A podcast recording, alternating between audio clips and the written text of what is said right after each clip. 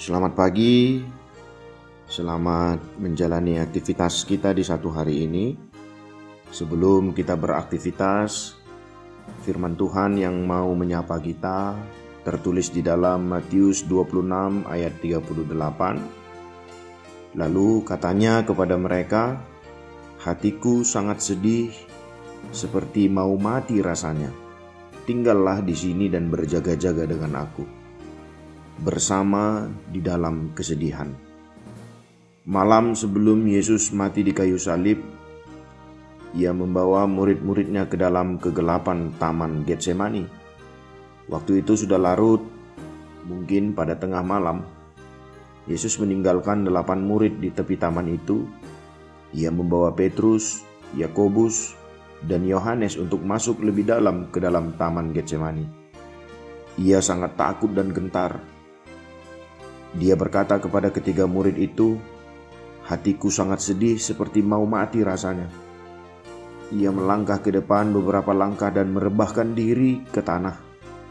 Ia berdoa dalam kesengsaraan sekiranya mungkin saat itu lalu daripadanya.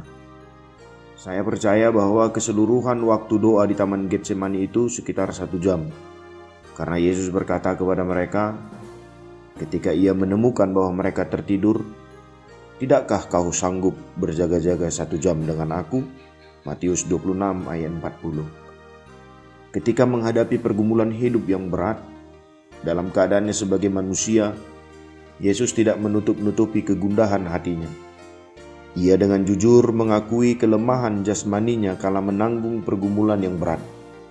Maka mulailah ia merasa sedih dan gentar lalu kata katanya kepada mereka, Hatiku sangat sedih seperti mau mati rasanya. Meski secara jasmani Yesus tampak lemah, namun ia kuat secara rohani. Ketika menghadapi pergumulan yang berat, sebagai manusia Yesus membutuhkan teman untuk berbagi beban. Karena itu ia mengajak Petrus, Yakobus, dan Yohanes untuk menemaninya berdoa di Taman Getsemani. Yesus juga hendak menekankan bahwa dalam kodratnya sebagai manusia seharusnya kita saling menguatkan, menopang, dan memerhatikan satu sama lain. Tuhan Yesus berusaha memperkenalkan kita pada penyatuan dengan dirinya melalui pengalaman Getsemani kita sendiri. Kan tetapi terkadang kita menolak dan berkata, Tidak Tuhan, aku tidak memahami hal ini. Dan di samping itu, ini sangat menyakitkan. Kita sedang menyongsong Minggu Paskah, hari Yesus bangkit dari kubur.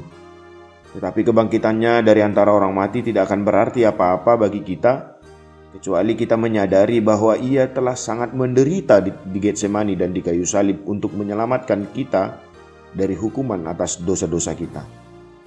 Apa yang harus kita lakukan sehingga Yesus menjadi penebus kita? Seharusnya kita tersungkur di kakinya dan percaya kepadanya di dalam hidup kita. Kesedihan Yesus menghadirkan keselamatan bagi kita.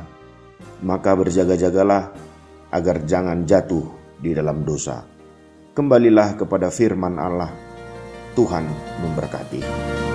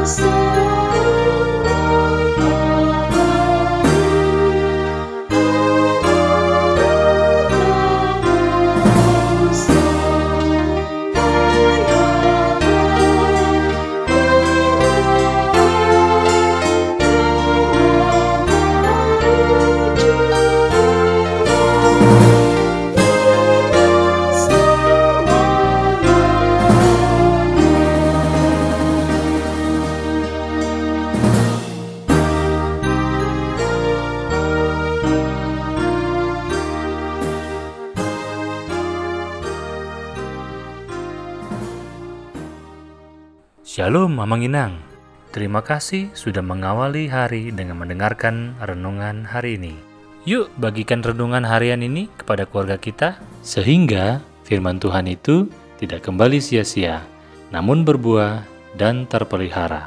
Tuhan Yesus memberkati.